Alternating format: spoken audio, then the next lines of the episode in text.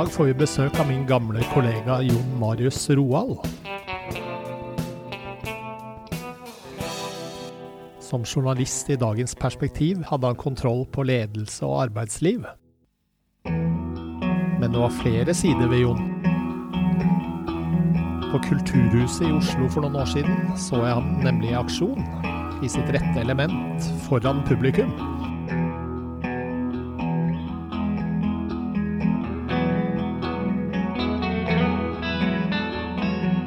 Der bergtok han de fremmøtte med en hysterisk morsom, men også tankevekkende historie.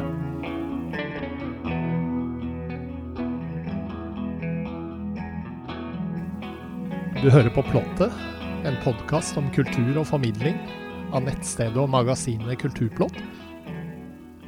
Mitt navn er Bård Andersson.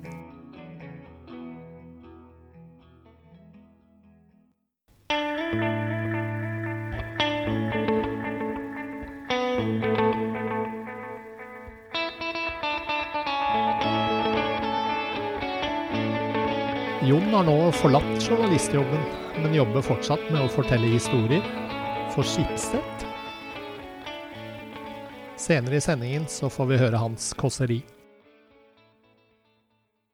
Når eh, ble fortellingen viktig for deg, og, og hvorfor? Nei, altså, det, det, er jo ikke ett uh, tidspunkt liksom, eller en hendelse som har gjort at jeg har blitt glad i, uh, i fortellinga. Det, det, altså, det har vært med meg hele livet, egentlig, som jeg har sett uh, nå i ettertid. Altså, pappa han var jo en fantastisk historieforteller. Det, var en stor del av greia hans. Og mora hans igjen var, var en, en, veldig god historieforteller. Hun var jo kjent på bygda, Sykkylven, der jeg er fra skrev i mye sånne bøker og sånt. Så jeg har jo en del å slekte på der, da. Så jeg, jeg tror det her har vært med meg bare hele tida, hele oppveksten. Um, og det ser jeg jo liksom også når jeg ser tilbake på gamle stiler og sånt som jeg skrev på barneskolen og ungdomsskolen. Så uh, det er en sånn, det er sånn fortellerglede da, som jeg kjenner meg veldig igjen i i dag. En sånn innlevelse. Brukte mye meg sjøl i de historiene jeg skrev. Og um, jeg, jeg føler liksom jeg skrev kåseri lenge før jeg visste hva et kåseri var for noe. Mye sånne observasjoner, eh, legge merke til ting og beskrive omgivelsene mine. Eh, og finne humoren i det, da. Finne det som var liksom Jeg bruker meg sjøl og prøver å på en måte generalisere det mer. Altså, er dette her en trend? Er andre det samme som meg? Er det de som er rar? um, så men det har vært et sånt verktøy for meg, eh, tror jeg, sosialt opp igjennom. Sånn, eh, for å bli kjent med andre og for å la andre bli kjent med meg, egentlig. Så det er bare en sånn veldig sånn um, stor del av, av, meg som person blitt. I dagens uh, informasjonssamfunn hvor ting flyter veldig raskt. Eh, hvilke nye muligheter ser du for fortellinger og, og for kunstformens plass i, dagens samfunn? Altså kunstformen fortellinger og historie, tenker du på? Ja. Det er jo eh, I dag er det jo så utrolig mange forskjellige medium og, og formater som, eh, som, på en måte mm, Det er lett å tenke at de kan konkurrere ut den eh, litt sånn tidkrevende fortellinga at den blir liksom litt gjemt eller glemt i mengden, da. Det er jo litt synd. Fordi det er jo noe veldig sånn menneskelig med den fortellinga. Den, eh, den, er så ekte og blotta for liksom alt annet enn eh, en den ene personen sin evne til å formidle og fortelle. da. Og så er den jo på en måte litt sånn basert på tillit også. At vi må stole på den som forteller, og leve oss inn i det. og og, eh, og tørre å, å, bli med på, på den reisa der. Og Da er det liksom ingenting som er så virkningsfullt da, som en god historie. Uh, og, det, og, det, er litt sånn dumt da, hvis det skal gå, gå tapt. Men når det er sagt, så er jo nettopp det formatet vi er på nå, altså podkast, et fantastisk uh, medium til fortelling. Og det har man jo sett også, at det er kommet masse sånne podkaster, fortellerpodkaster opp opp gjennom nå de siste åra. Og, og, det syns jeg er så kjekt å se. Jeg er jo veldig stor podkast-fan. Både eh, som lytter og eh, driver og i jobben min også lager lage podkast. Jeg, jeg syns det er et fantastisk fortellermedium. Det er intimt. Man har god tid, oppmerksomhet er lenge. Og man kan bruke så mange kraftige virkemidler da, i tillegg til bare stemme. Så kan man også legge på liksom andre effekter der og, og skape et sånt, eh, sånt mikrounivers inni øret på folk. Så akkurat den har Jeg har stor tro på podkast framover, da. Hvordan ser en god fortelling ut eh, for deg? Litt, eh, litt forskjellige element. Um, ikke ei oppskrift liksom som eh, vinner alltid, men um, den er liksom Den er ærlig, kanskje litt personlig. Litt sånn på grensa til sårbar, kanskje. Altså man, litt sånn småutleverende. Um, en sentral del for meg er det humor. Um, at man greier å finne det finne det humoristiske i ting. Både det, det såre og det, og det morsomme. Jeg, jeg, tror Eller humor for meg er liksom litt sånn krydder da, i, i historier som kan forsterke alle de andre elementene. At hvis du kan ha humor i, i fortellinga, så, så, så, tror jeg det gjør de andre såre og mer alvorlige eh, delene av fortellinga enda bedre og enda sterkere. Um, så er det jo aldri feil å ha noe overraskende element. Litt sånn U-svinger her og der. Som eh, kan ta lytteren eller leseren eh, litt på senga. Og um, ja, hvis jeg skal være litt sånn teknisk, så tror jeg den, en sånn god historie bør ha en sånn klar struktur. Eller en sånn premiss, da, slik at publikum vet hva som er, hvor vi skal hen, eller hva, hva, de kan forvente. Jeg tror det er lettere å fange eller å få med seg folk da, Eh, på veien hvis de vet hvor de skal hen. Altså, det, sånn, det, kan være litt demotiverende hvis du begynner på en fortelling, og så vet, ikke publikum at den skal vare i 40 minutter. Men uh, jeg tror uh, hvis du har fortalt deg det er hit vi skal, du skal innom det, eller at jeg skjønner hva premisset er, så blir det lettere å følge med og mer engasjerende å bli med. Uten at det er liksom helt sånn konkret hva det er, men, men ja, det er iallfall viktig, tror jeg. da. Du nevnte podkast uh, i stad. Har du noen preferanse på i hvilke formater du foretrekker å høre fortellinger? Ja, nå tenker du lyd eller tekst eller sånne ting? Eller rundt leirbålet eller hvor som helst? Jeg, jeg, jeg, tror det er ingenting som, som kan slå denne her den live, altså den ekte historien du forteller til venner eller familie rundt et middagsbord eller um, Ja, jeg, jeg, tror egentlig det er det aller beste formatet. Når folk sitter, folk er med, du har en stemning, du prøver å fange stemninga litt i rommet. Um, og inkludere der du sitter, sitter, sammen med, og gjerne spille litt opp, spille litt ball, sant? få litt fram og tilbake. altså De historiene der, de er de aller, aller beste. Du jobber jo også med fortellinger i din dayjob. Eh, fortell litt om det og hvordan du jobber. da. Jeg jobber jo i Skipsted Partnerstudio som innholdsprodusent, så jeg lager jo historier for, eh, for folk. da, Både på, i tekstformatet og eh, i podkastformat. Så jeg, det er jo hele, hele min jobb går jo rundt å finne de gode historiene, de som eh, som engasjerer. Altså, jo, jeg lager jo annonsert innhold, så desto viktigere er det jo å finne de engasjerende historiene eh, som griper. Og eh, eh Så det er liksom hele Det er så viktig del av jobben min, da. At jeg bruker mye tid på det. Og eh, ikke bare finne liksom eh, caser og kilder, men også hva er det de kan bidra med? Hva er det de kan fortelle? Hvorfor kan historien deres fortelle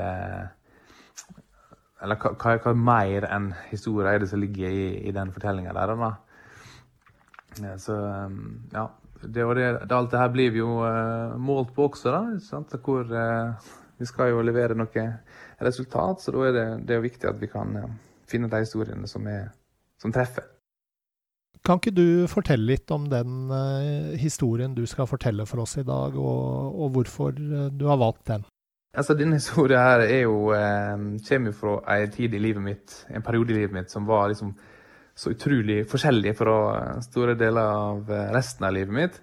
Fordi den, det var en komplett sånn bråstopp. Eh, og så kom jeg hjem igjen eh, til Sykkylven, denne lille bygda på Sunnmøre som jeg er fra. Og eh, så tenkte jeg plutselig oi, jeg har jo ikke noen jobb å gå til. Jeg har jo glemt alt det der jobbsøking og alt det der eh, ferdig utdanna, og nå skal jeg begynne på resten av livet. Alle de oppgavene som de fleste andre gjorde, det hadde jeg bare glemt. Og det resulterte i eh, at jeg eh, fikk meg et litt for langt opphold på bygda, på barnerommet mitt i Sykkylven. Gikk liksom tett opp i familien min i en alder av 26. Og det, det var bare ja, livet Jeg blei bare en sånn utrolig sånn destruktiv og, versjon av meg sjøl. Eh, og det er det den historien her skal handle om.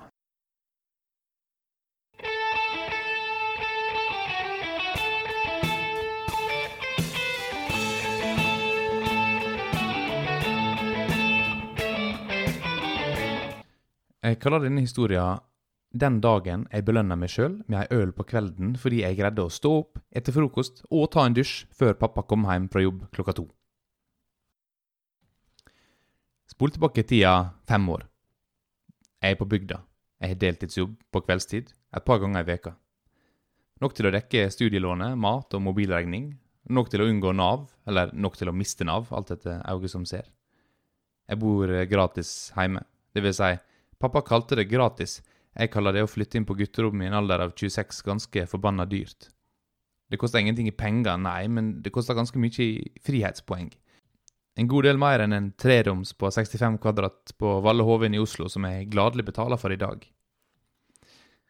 Jeg har et knippe venner. Flotte mennesker, men alle er liksom fortapt i hver sine greier, om det er barn eller musikk eller hva det er. En av dem, derimot, er i noenlunde samme situasjon som jeg er og han ser jeg hver fredag og lørdag. Da er det helg, og da drikker vi øl i lag. Det er også min eneste indikasjon på at helga er kommet, for dagene ellers er, er helt like. Ei vanlig veke for meg høsten 2015 kunne gå litt sånn som dette. OK, ny veke. Mandag morgen. Kom igjen. Vekkerklokka ringer, jeg slumrer litt. Ringer igjen, slumrer litt til. Ringer på nytt Drit i hele vekkerklokka, jeg skal jo ingenting. Og tida der jeg hadde motivasjon til å stå opp og få noe ut av dagen, den er forbi for lenge siden. Klokka er halv tre, og jeg et frokost mens familien eter middag. Skal ikke du ha middag, Jon? spør uh, mamma. Nå har nå jeg akkurat laga frokost, da, men uh, minn meg gjerne på det i morgen igjen, hvor ubrukelig jeg er, hvor hardt jeg prøvde å stå opp før dere kom her fra jobb, men uh, feila likevel, ja. ja.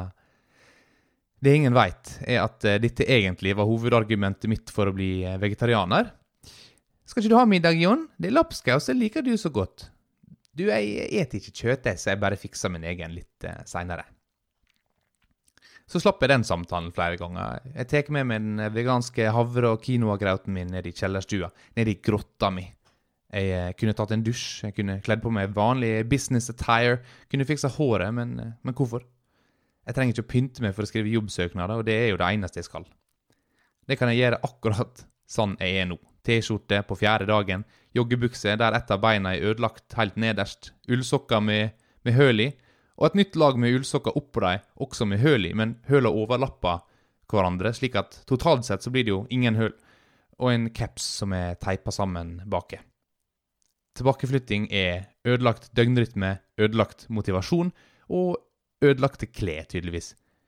Og et nytt og bedre kosthold, da, fordi jeg ikke orker å prate med min egen familie. OK, jobbsøketid. Fram med laptopen, nå skal det søkes. Jobbsafari, det er Nav, det er Finn. Kom an! I dag er dagen. Karrierestart, LinkedIn, Facebook, LinkedIn, Facebook, YouTube. Finn, Nav, Facebook, Finn, Facebook, Netflix, Narcos. Fy faen, så bra han spiller. Pablo Escobar Medellin, Colombia, El Cartel de Cali. Episode fire spilles av om 15, 14, 13 Og der ble klokka 19, ja. Da er det vel på tide å ta kvelden.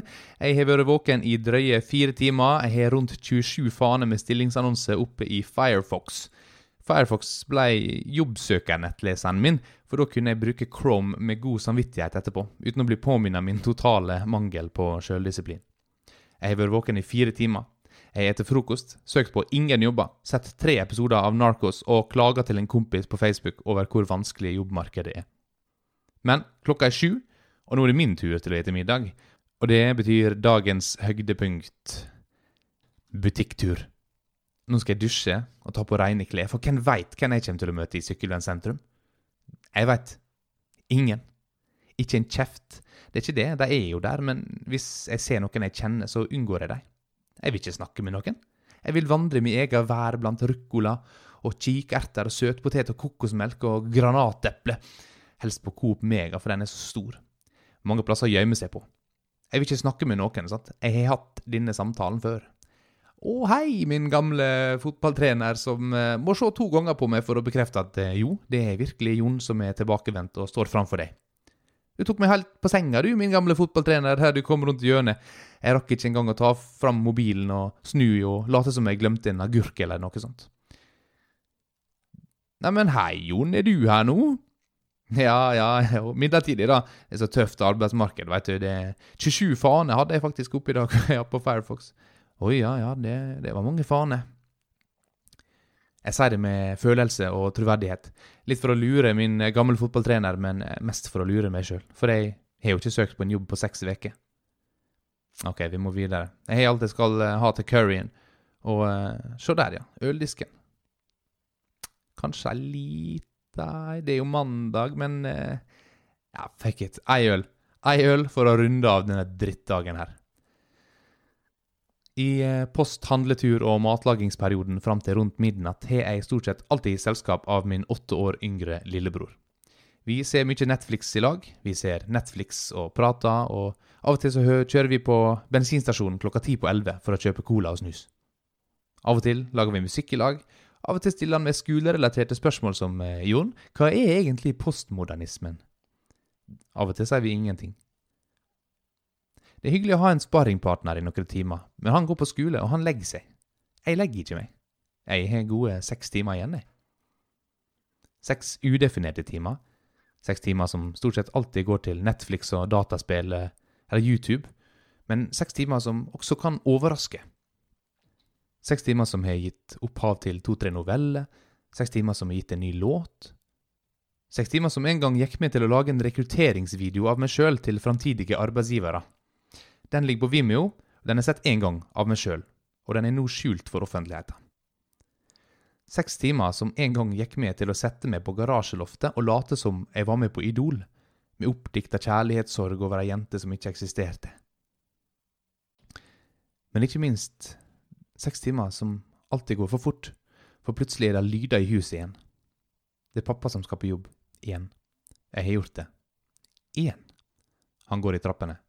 Først i midtetasjen, skive med brunost på. Så kommer han ned, og jeg smeller igjen laptopen og legger meg til å liksom-sove på sofaen. Og døra går opp, lyset går på, så av igjen, og jeg hører noen oppgitte ord ute i gangen som ligner på Åh, i dag igjen, ja. Så forsvinner han ut i morgengryet på racersykkelen sin. Nå har jeg ganske nøyaktig en halvtime på å komme meg i seng før mamma skal stå opp. Faen, altså. I dag igjen. Ok, nå må jeg gå og legge meg. Jeg skal sette vekkerklokka på tolv. I morgen går det. I morgen skal jeg stå opp, jeg skal dusje, jeg skal kle på meg representative klær, jeg skal ete frokost, og alt sammen før pappa kommer hjem fra jobb klokka to. Alt dette skal jeg gjøre i morgen. Men da må jeg legge meg nå. Så da er det bare å slenge igjen lokket på laptopen, og episode fem av Narco starter om 15, 14, 13, 12, 11, 10, 9, 8, 7, 6, 5, 4, 3, 2, 1.